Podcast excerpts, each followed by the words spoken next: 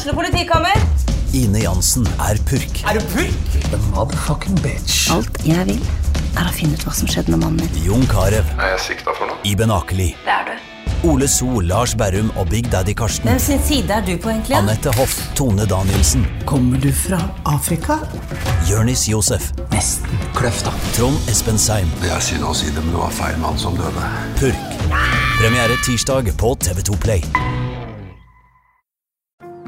Ungsamtalen fra DNB er økonomisk veiledning tilpasset deg som er ung.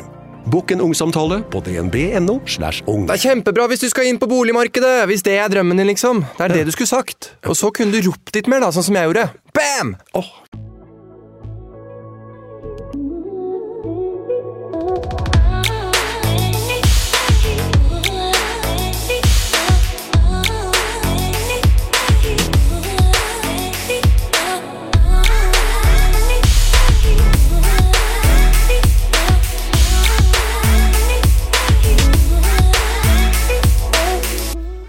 Foran meg i studio sitter det en eh, ung, lovende og talentfull DJ. Om jeg hadde sett han spille f.eks. på en av de største klubbene i Norge, så hadde jeg nok eh, aldri gjetta at han som liten var på flukt. At han har blitt mobba, og at oppveksten hans har vært alt annet enn enkel. Æsj er up and coming. Og han ble lagt merke til av eh, manager David Eriksen pga. sin historie, iver og hans genuine ønske om å bli en DJ i verdensklasse. Den drømmen fikk han ganske tidlig, egentlig ved en tilfeldighet. Og drømmen har bare vokst. Og Ash har jobbet knallhardt. Eller han jobber knallhardt. Og drømmen er å bli en av de største og beste. Sommeren 2019 spilte han lineup før Karpe, foran 14 000 mennesker. Og Æsj er bombesikker på at det bare er starten. Og det både tror og håper jeg også. Og i dag skal vi bli kjent med han, historien hans, flukten og hvem han er.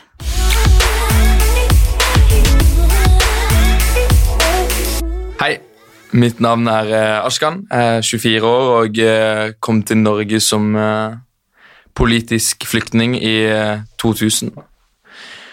Ehm, vi kom hit på grunn av eh, Altså, vi kom hit på grunn av eh, politiske ytringer som min far har hatt hjemme i Iran. Min mor er fra Irak. Eh, det har vært veldig kollisjon der også, eh, gjennom politikken. Det har vært sånn at pappa har sittet i fengsel i fire år for at han ikke ville gi ut informasjon om uh, Irak, av at vi har ofte vært der òg, pga. min mor. Um, så de fire første årene uh, jeg levde, så var ikke min far uh, til stede. Uh, han satt i fengsel under veldig vanskelige kår for å ikke For å da ikke utsette sin egen familie, da. Min mor sin side. Når han kom ut, så var det ikke lenger trygt for noen av oss egentlig å være værende. Eh, på den altså i mellomtida, da, mens min far satt inne i fengsel, så var min mor veldig fram og tilbake eh, mellom Iran og Irak med meg, sånn at familien i Iran også skulle få treffe meg. da. Eh, det er en veldig utrygg vei det å reise. Eh, veldig farlig. Eh, det er f.eks. miner langs veien. Eh, folk som er ute etter å drepe, rett og slett. Og som sagt, da min far kom ut, så var det ikke lenger trygt, og da måtte vi flykte ut av Iran. Eh, på den tida så hadde allerede min onkel da eh, kommet seg til Norge. Eh, så jeg, jeg vet jo ikke så mye, men eh, jeg, jeg tror vi prøvde å komme til Norge pga. det. Eh, men det er ikke bare å sette seg på et fly og komme inn i bedre kår da, for vår del. Så vi, vi måtte over til Tyrkia. Eh, der kjente vi ingen, vi hadde ingen penger. Eh, mamma og pappa hadde ingen jobb.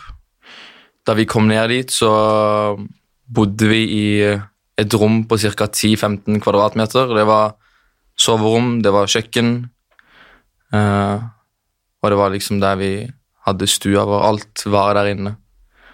Jeg, var vel, jeg var veldig ung da vi bodde der, men det har bare på en måte gjort så stor inntrykk på, for meg at jeg husker veldig mye av det jeg gjorde da vi bodde der nede. Og det var ofte vi ikke hadde penger til, til mat.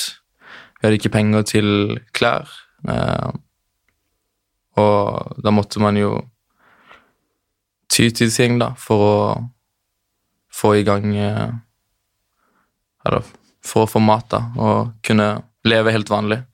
Så jeg har snakka med min far, og det har vært at han har måttet stjele kyllinger, rett og slett, fra, fra naboen eller steder rundt for at vi skal ha noe å spise. og Det har ikke alltid vært så lett. Eh, og den myndigheten som har vært i Tyrkia, er ikke kjent for å være særlig eh, snille med immigranter som kommer fra andre steder, i hvert fall fra Midtøsten. Eh, kurderne som kommer inn eh, fra Iran, Irak, Tyrkia, de sliter også veldig når de kommer til Tyrkia. Så det var ikke et bra sted for oss å være i det hele tatt. Eh, det var ikke sånn at de hadde noen sjanse for å få seg jobb. Så det vi egentlig gjorde der, var at vi venta på, på å få svar for å komme inn til Norge. da. Så det var, vi, vi brukte ca. to år på det, på å være i Tyrkia. Der bodde vi to år i Ankara. Eh, vi bodde i den lille leiligheten der det også bodde fire andre familier, så det var fire forskjellige rom fordelt på oss. da. Eh, da vi skulle få penger og mat, og sånt, så var det ofte vi måtte få besøk da fra familien vår i Iran. og Det var ikke noe trygt for de å heller komme ned dit, så det var veldig sjeldent. Men når de kom, så kom de med, med klær til oss. De kom med mat som holdt i noen måneder. Og mest av alt så var de bare der for å støtte oss opp. Vi kunne ikke reise tilbake igjen til Iran, fordi da hadde mest sannsynlig pappa blitt uh, drept eller måtte tilbake i, i, fengsel. Så i to år var vi uh, i Tyrkia. Til slutt så fikk vi endelig svar på at vi kunne få lov til å reise til Norge. Og på den tida så bodde min onkel på et sted som heter Karmøy. Eh, så der har, jeg, der har jeg faktisk bodd i et år. Eh, men som jeg har forstått det med min mor, så var ikke det optimalt for oss å bo der, fordi vi kjente ingen, det var et lite sted, og det var vanskelig å få seg venner, og min onkel flytta på seg etter et halvt år. Eh, men jeg kan huske at da vi kom, så bodde vi i en uh, liten hybel. Over oss bodde noen uh, asiatere, faktisk, som eide huset. De uh, leide den ut via Nav da, til sånne som oss som kom til Norge og ikke hadde ting på stell med en gang. da. Uh, vi fikk veldig god hjelp uh, til å komme i gang, uh, men det var jo veldig vanskelig når man Mest for foreldrene mine å komme til et land uten å kunne evne å snakke og jobbe, da. jeg starta i barnehagen til å begynne med. Jeg har ikke gått på mottaksskole, så der gikk jeg til jeg var syv år, for å heller kunne lære norsk bra før jeg begynte på skolen. Så jeg har alltid gått i klasse med de som har vært ett år yngre enn meg. da. Ehm,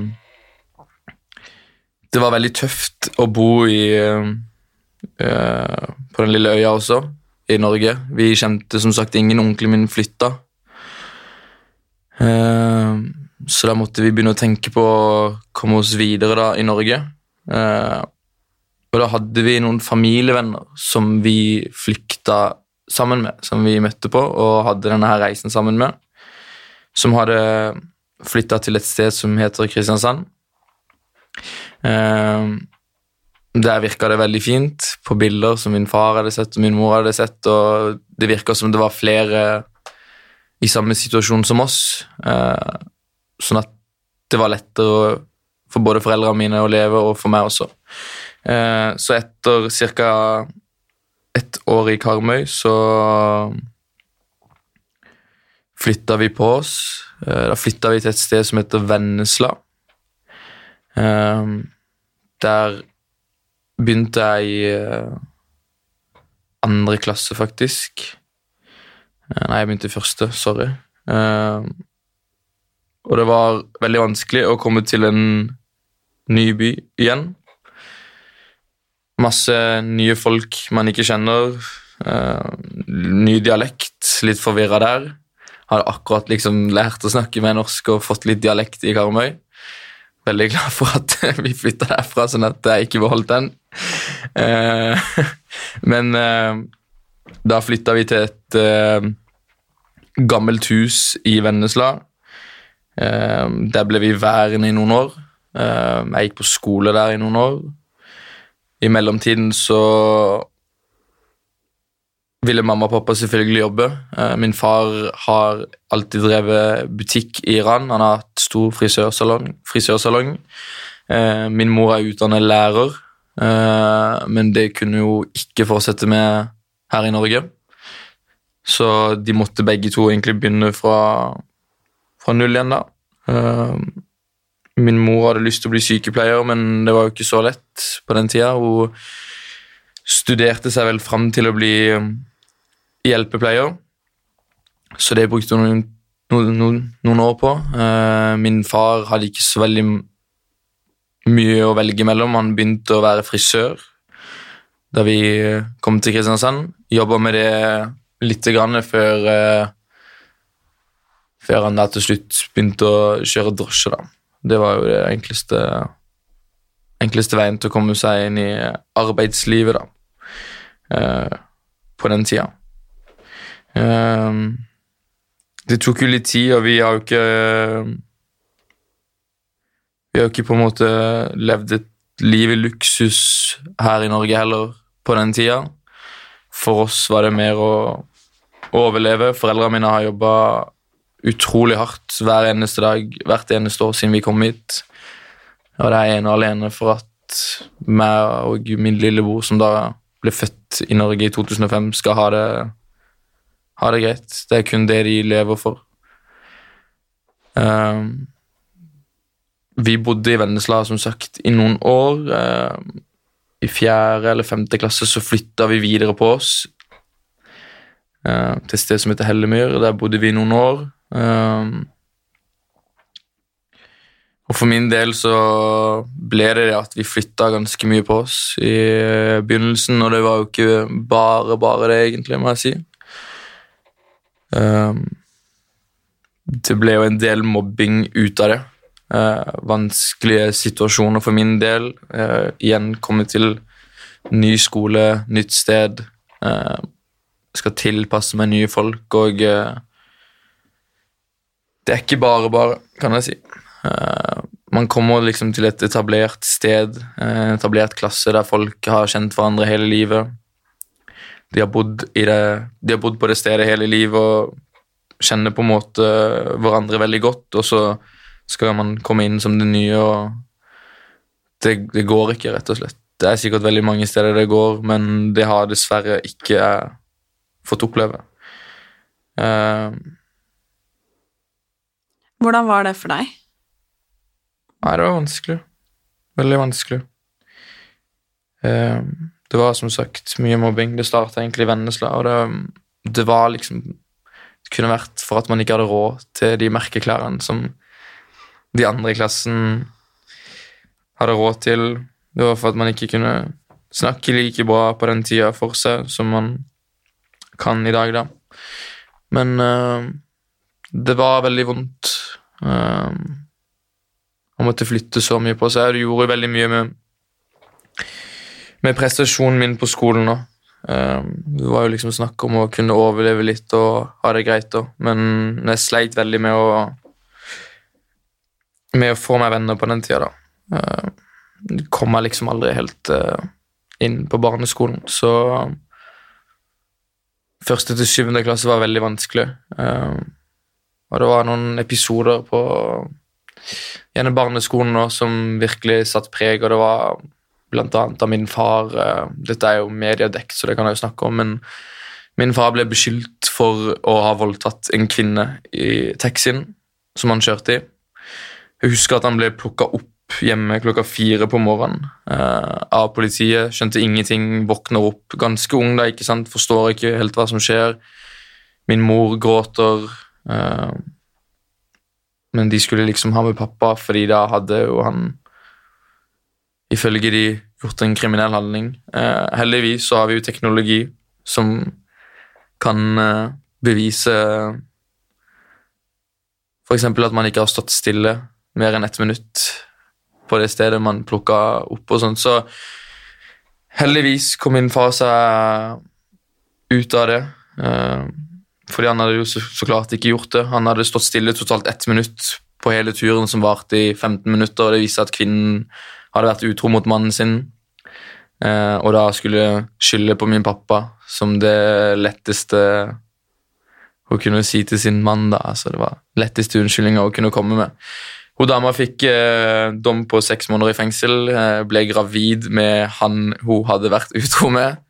Ja, sorry, jeg sa hun le. Altså, supertragisk. Men eh, det, var, det, var, utrolig tungt eh, å måtte gå gjennom det. Eh, og jeg husker at det var mediedekt, det kom opp i avisa, og det ble veldig fort eh, det ble veldig fort, det kom veldig fort ut at det var min far. Eh, og da fikk jeg høre at ja, din far er voldtektsmann, og din far er ditt, og din far er dett. Og som femte- eller sjetteklassing da, så er det veldig tungt å stå og høre på det. At din far har voldtatt en annen kvinne, eh, når man vet at det ikke har skjedd.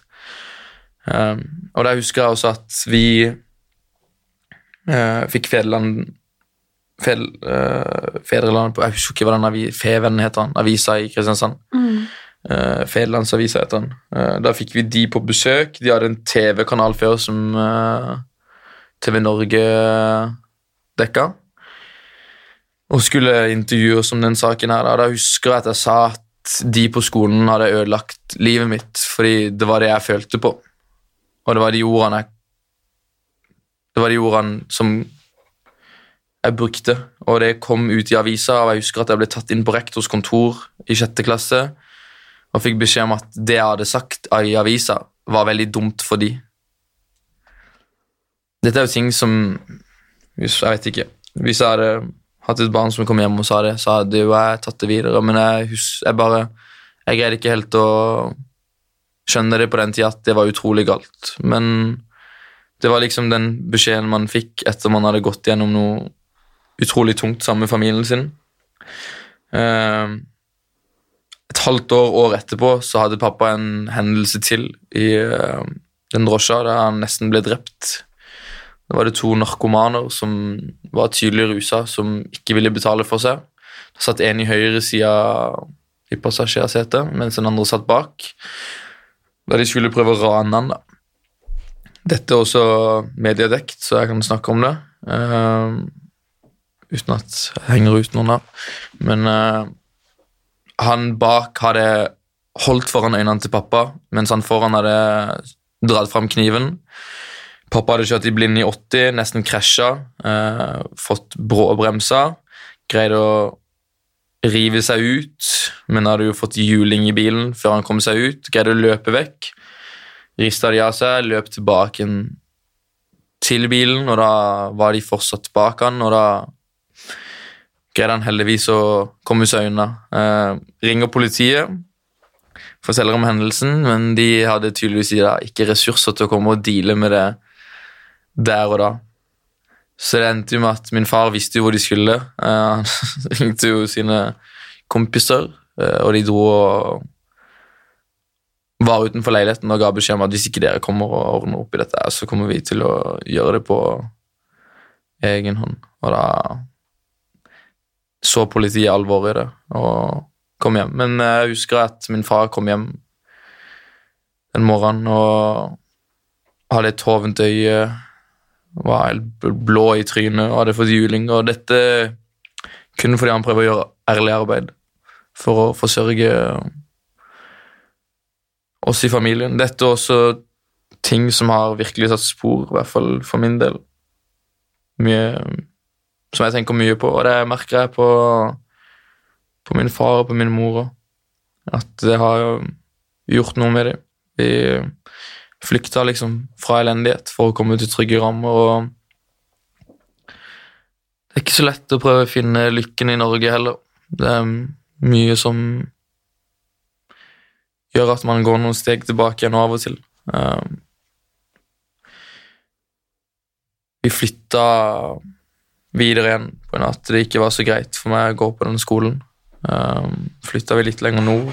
Um, der igjen kommer uh, inn på ungdomsskole med folk som har vært sammen siden barneskolen, og skal igjen prøve å passe inn.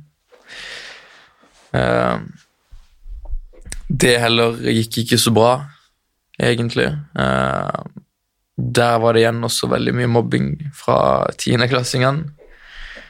Uh, Hva ble du mobba for?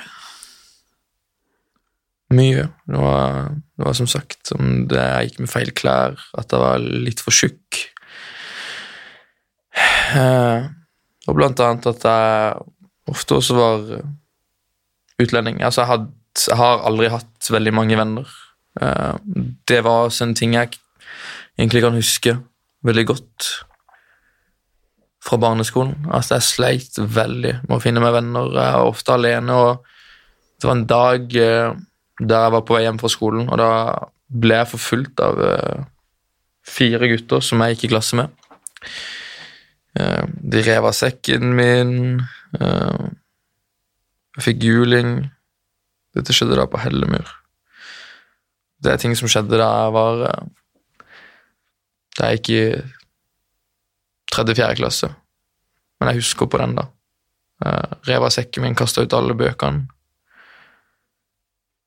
Der fikk jeg skrek i trynet 'du har ingen venner, du har ingen venner', ikke sant. Og det er, det er jo kjipt at det skal være sånn at barn skal liksom kunne være så slemme mot hverandre, men uh, det kunne være alt, rett og slett, fordi ikke jeg gikk med den jævla welcome-genseren som de hadde foreldre som betalte 1000 kroner for. Men det var andre ting som var viktigere i vårt hjem enn å kaste vekk penger på,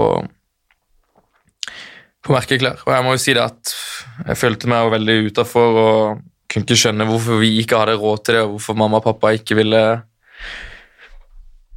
kjøpe de tingene til meg. Men eh, jeg er veldig takknemlig for at det ble sånn. Uh, Hvordan gikk det fra, fra ungdomsskolen og f.eks. mot videregående? Jeg begynte å ta igjen, egentlig. Uh, jeg måtte, jeg måtte, ta igjen for at folk skulle slutte å plage meg. Uh, fikk meg noen veldig gode venner, andre venner fra Iran. så det endte med at jeg ble veldig sånn at jeg tok igjen med en gang hvis det var noen som sa noe. Så ble jeg veldig, jeg havna veldig i forsvarsmodus med en gang. Og jeg merker at jeg sitter veldig igjen enda, at hvis noen sier noe tullete for som bare er tull, så kan jeg veldig fort sneppe på det.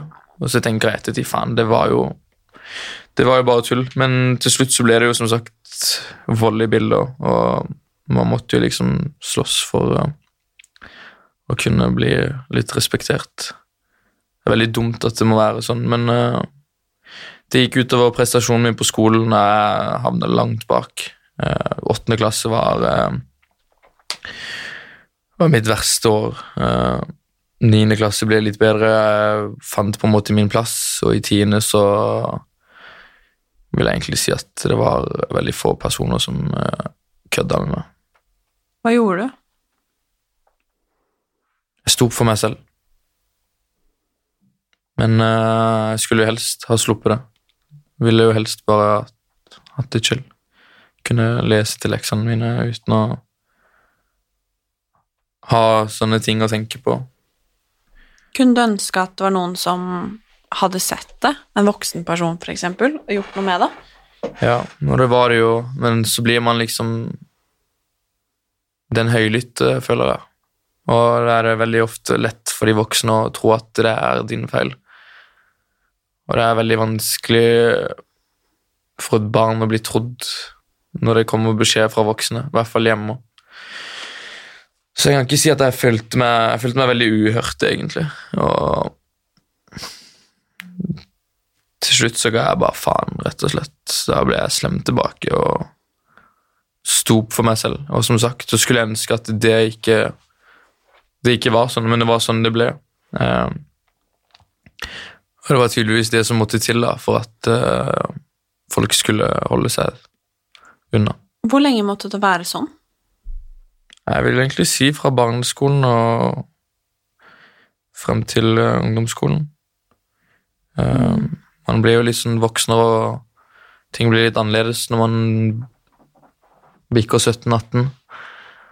Hvordan var, hvordan var liksom livet ditt da? Som type videregående periode? 17-18 år? Eh, jeg har eh, som, Jeg har jo kommet fra en familie der vi Altså, misforstå meg rett, vi har hatt lite, men vi har alltid fått det vi trenger. Både meg og min bror. Men det har gjort at jeg også har jobba. Jeg har jobba hver dag siden jeg var 16 år. Jeg begynte å jobbe på McDonald's. Der jobba i fire år. Jeg begynte å jobbe i Kanal Digital etter det. Men jeg begynte å jobbe, rett og slett. Uh, og begynte å tjene mine egne penger, og ting som var vanskelig, ble litt mindre vanskelig, da. Fordi da greide jeg å ta vare på meg selv og forsørge meg selv med de, med de tingene som jeg trengte, da.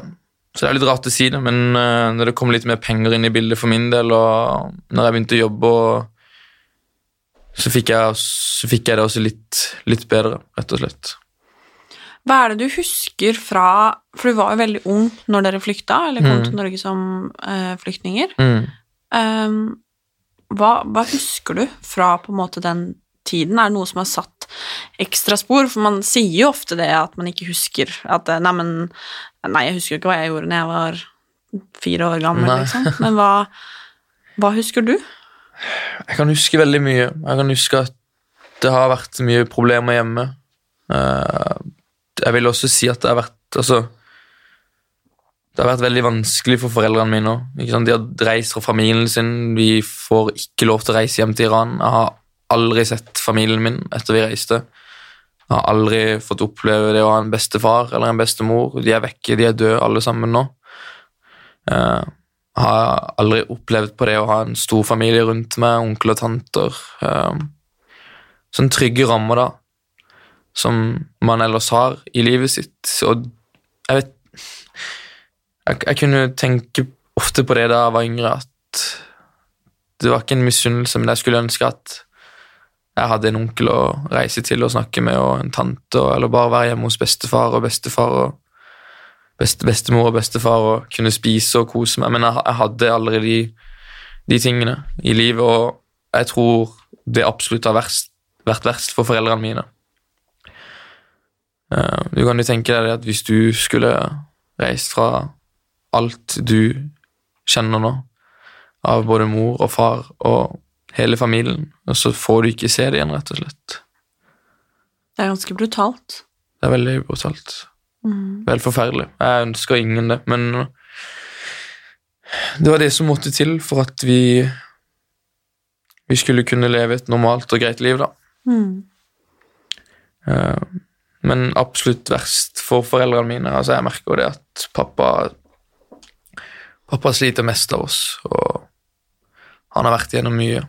Og det er mye psykologtimer, det er mange timer hos legen og Kan jeg spørre um, Nå er det ikke du som har sittet i fire år i fengsel, men Nei. hvordan Hvordan var det? Og kanskje spesielt Nå vet jo ikke jeg helt hva, hva han eksakt satt for, men på en måte uten å egentlig kanskje ha gjort noe Mm. kriminelt, noe som han hadde sittet i fengsel i Norge for, da. Så Jeg har prøvd å snakke med pappa om den fengselstida, men det er jo ikke noe som faller an naturlig å snakke om, føler jeg. Eh, Jeg merker det at det har satt sine preg, og det er jo ikke som å sitte i et fengsel i Norge der man får lov til å ha med seg PlayStation, og der man har med TV, og man har en, eh, en madrass som er god å sove på. Der blir man behandla som dyr, og man blir banka opp. Det har jeg hørt fra min far. Eh, man får lite mat, og man deler og selger gjerne syv, åtte og ni personer eh, om gangen, da. Men det har på en måte ikke Jeg vet Jeg har prøvd å snakke med pappa om det, men det virker ikke som han vil, og det Jeg har på en måte ikke lyst til å presse han til å tenke videre på det. Mm. Men jeg, han hadde nok ikke sittet i fengsel for akkurat det i Norge. Å være politisk aktiv og ha sine meninger. Men eh, sånn er det da, i Iran. Og i eh, Var det sommeren 2019? Ja. Så spilte du i lineup, er det det heter? Jeg var lineup eh, på en festival i Trondheim. Før eh, selveste Karpe. Ja, det er helt sjukt. Foran da var det 14 000 mennesker. 14 000 gale trøndere. ja, det var Hva følte du da? eh, Jeg jobber jo som DJ i dag. Eh, har gjort det i mange år nå. Eh, eller mange og mange. Tre-fire år eh, fulltid.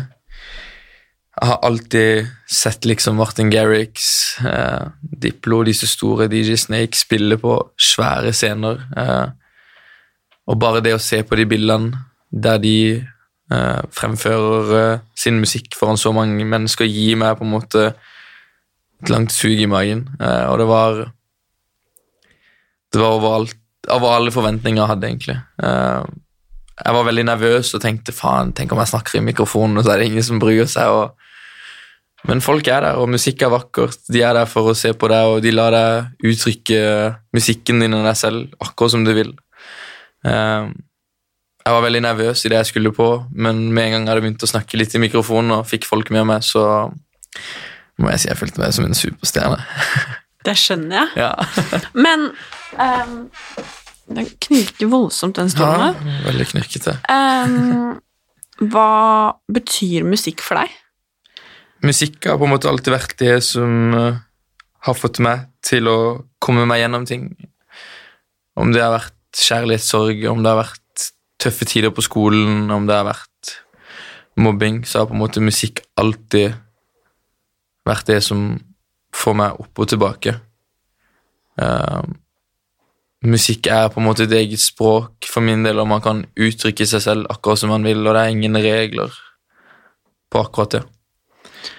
Hvorfor begynte du med, uh, med musikk? Og liksom, hvordan fikk du yrket liksom DJ? Jeg prøvde faktisk veldig lenge, uh, helt siden vi eh, hadde en liten sånn DJ-skole på Hva er det heter for noe? Man har eh, sånne ting man gjør etter skolen. Eh, Ja, det kan vel hete mye rart. eh, fritidsklubben Ja. heter det. Og der hadde de sånn DJ-skole. Det virka sykt gøy, og der tok de det veldig seriøst. Så de ville at vi også skulle få trening på intervjuer og sånt da, i ung alder, så da tok de oss inn på intervju eh, hos fritidsklubben, og der måtte vi fortelle hvorfor vi ville bli DJs, hvorfor vi trodde at vi ville gjøre en god jobb. Og det var på en måte sånn her ansettelsesprosess, da. Eh, så da var jeg inne på det rommet, snakka med fire voksne personer og fortalte at jeg hadde skikkelig lyst til å bli DJ.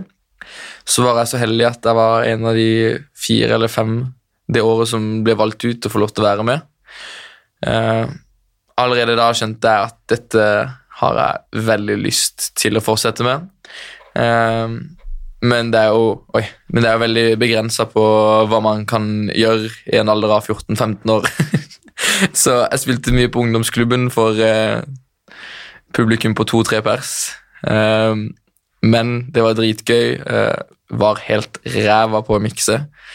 Men det er som sagt, det er ingen regler, og så lenge du er der og koser deg, så er det det viktigste. Men jeg prøvde veldig hardt å komme inn i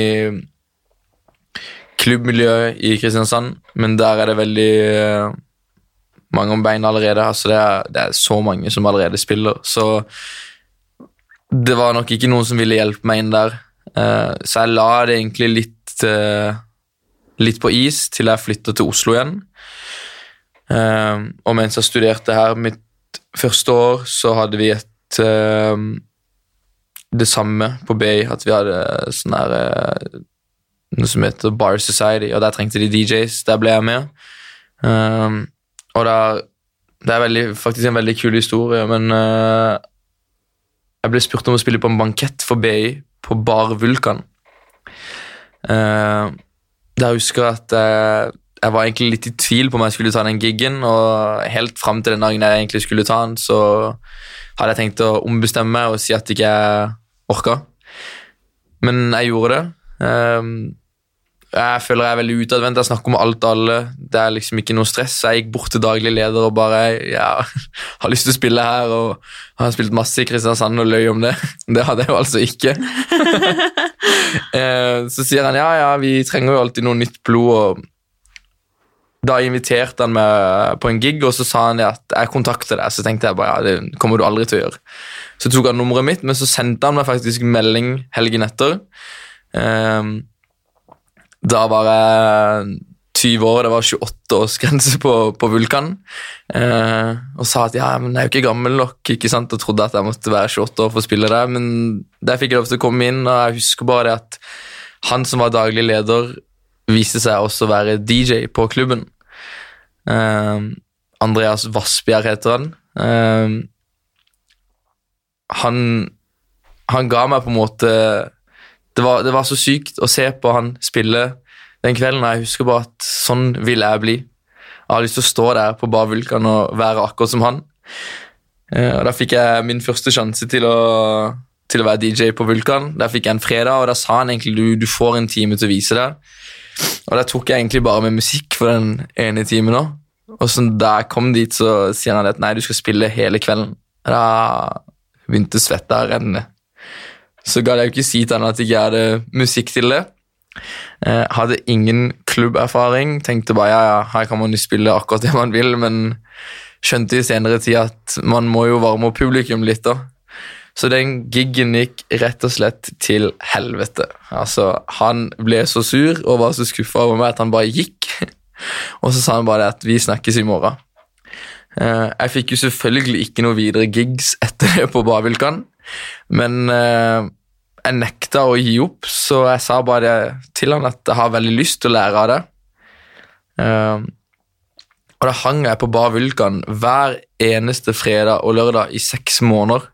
For se, ja, det er ikke kødd. Jeg var der hver eneste fredag og lørdag i seks måneder for å se han spille. Uh, jeg husker da at i januar så fikk jeg sjansen igjen til å spille. Og da fikk jeg varme opp for Andreas da. Uh, det gikk heldigvis dritbra. Uh, og de lørdagene på Bar Vulkan på den tida, som var en av de hotteste klubbene i byen, var litt heldige. Og da husker jeg at jeg fikk spørsmål om jeg ville spille den lørdagen. Uh, det gjorde jeg.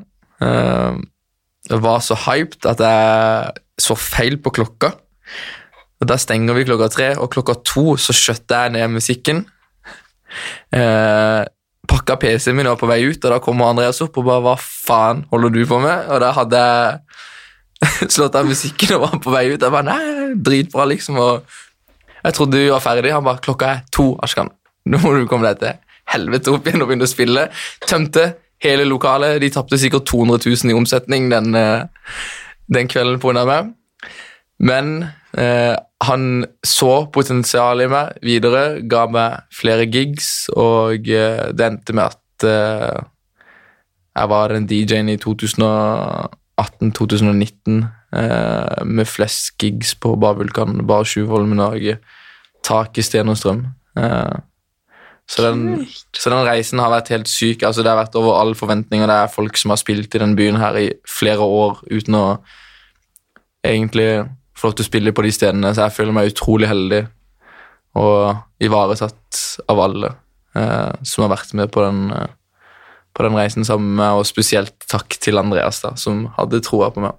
Hadde nok ikke hadde nok ikke hatt de gigsene og vært der jeg er i dag uten han, eh, han heller. Hva betyr det for deg, med tanke på den historien du har? Hadde liksom Hadde du som hvis noen hadde fortalt deg det her da, når du var Mm. liksom 13-14 Mm. år, hva hadde du sagt da? Nei, jeg hadde nok ikke trodd på det. Og det var liksom ingen selvfølge at Andreas skulle hjelpe meg med dette her heller, og ha, ha tro på meg.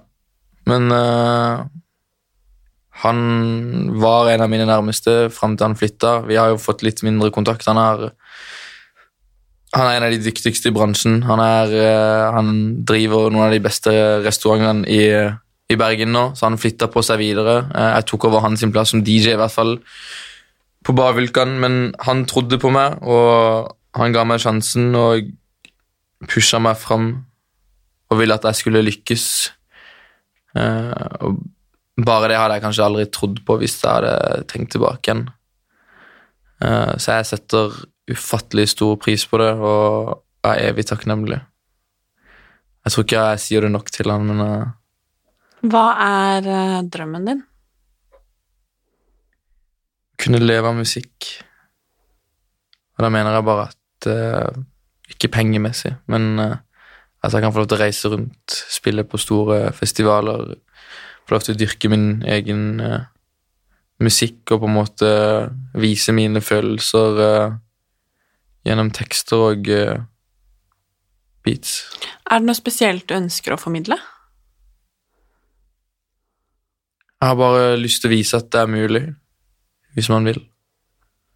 Rett og slett. Men eh, jeg må jo bare si at eh, vi, vi kommer jo hit med litt andre premisser enn de som er født i Norge, da. Uh, og vi begynner liksom på null igjen. Uh, så det har vært en Jeg føler i hvert fall for min del at det har vært en ekstra lang vei. Så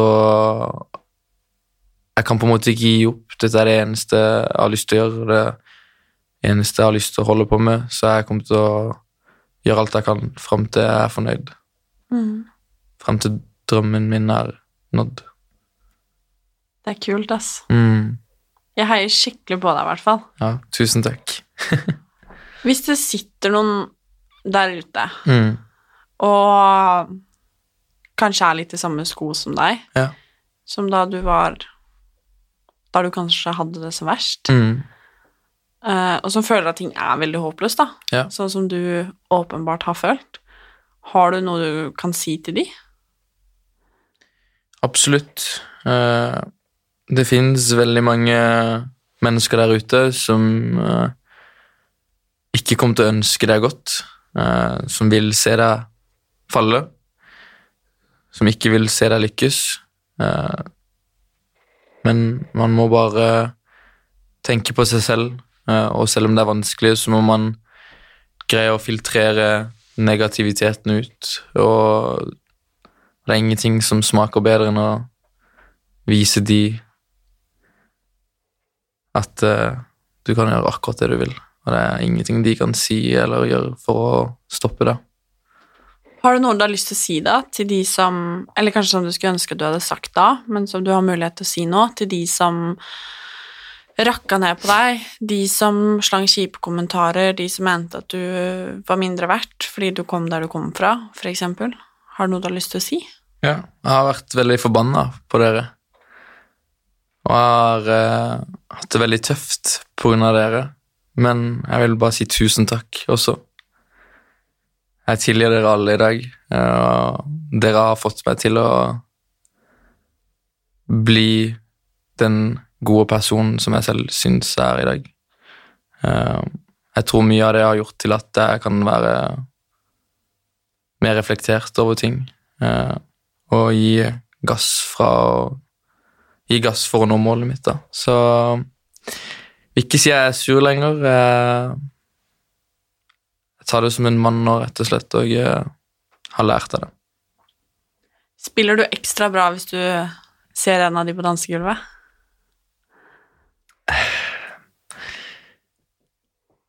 Jeg har gjort noen comebacks i Kristiansand. Eh, siden jeg flytta til Oslo. Jeg har hatt to veldig store gigs på Kick, eh, som er det stedet de største artistene har eh, afterparties på etter Palmesus. Og jeg må si det smakte jævlig bra å stå der på den sida og være litt stjerne. Jeg syns selv at jeg fortjente det. Det syns jeg òg. Og bare så det er sagt, så skal jeg stå på den scenen på Palmesus også. Og da skal det smake ekstra godt. Nå fikk jeg gåsehud over hele kroppen. Det gleder jeg meg til, for da kommer jeg. Yes! Det gleder jeg meg også kjempemye til. Tusen takk for at du eh, har delt din historie. Tusen takk for at jeg fikk lov til å dele min historie. Det var veldig deilig. Jeg eh, gleder meg til å følge, følge deg, og nå ble det jo ikke noe festivalsommer i år, Nei, men uh, vi får se neste år, da. ja, det blir dritbra. Nå har vi sittet mange timer i studio for å gjøre musikk klar for resten av året, så det er bare å følge med på Instagram. Kult. Yes, Vi snakkes, da. det gjør vi. Ha det! Ha det.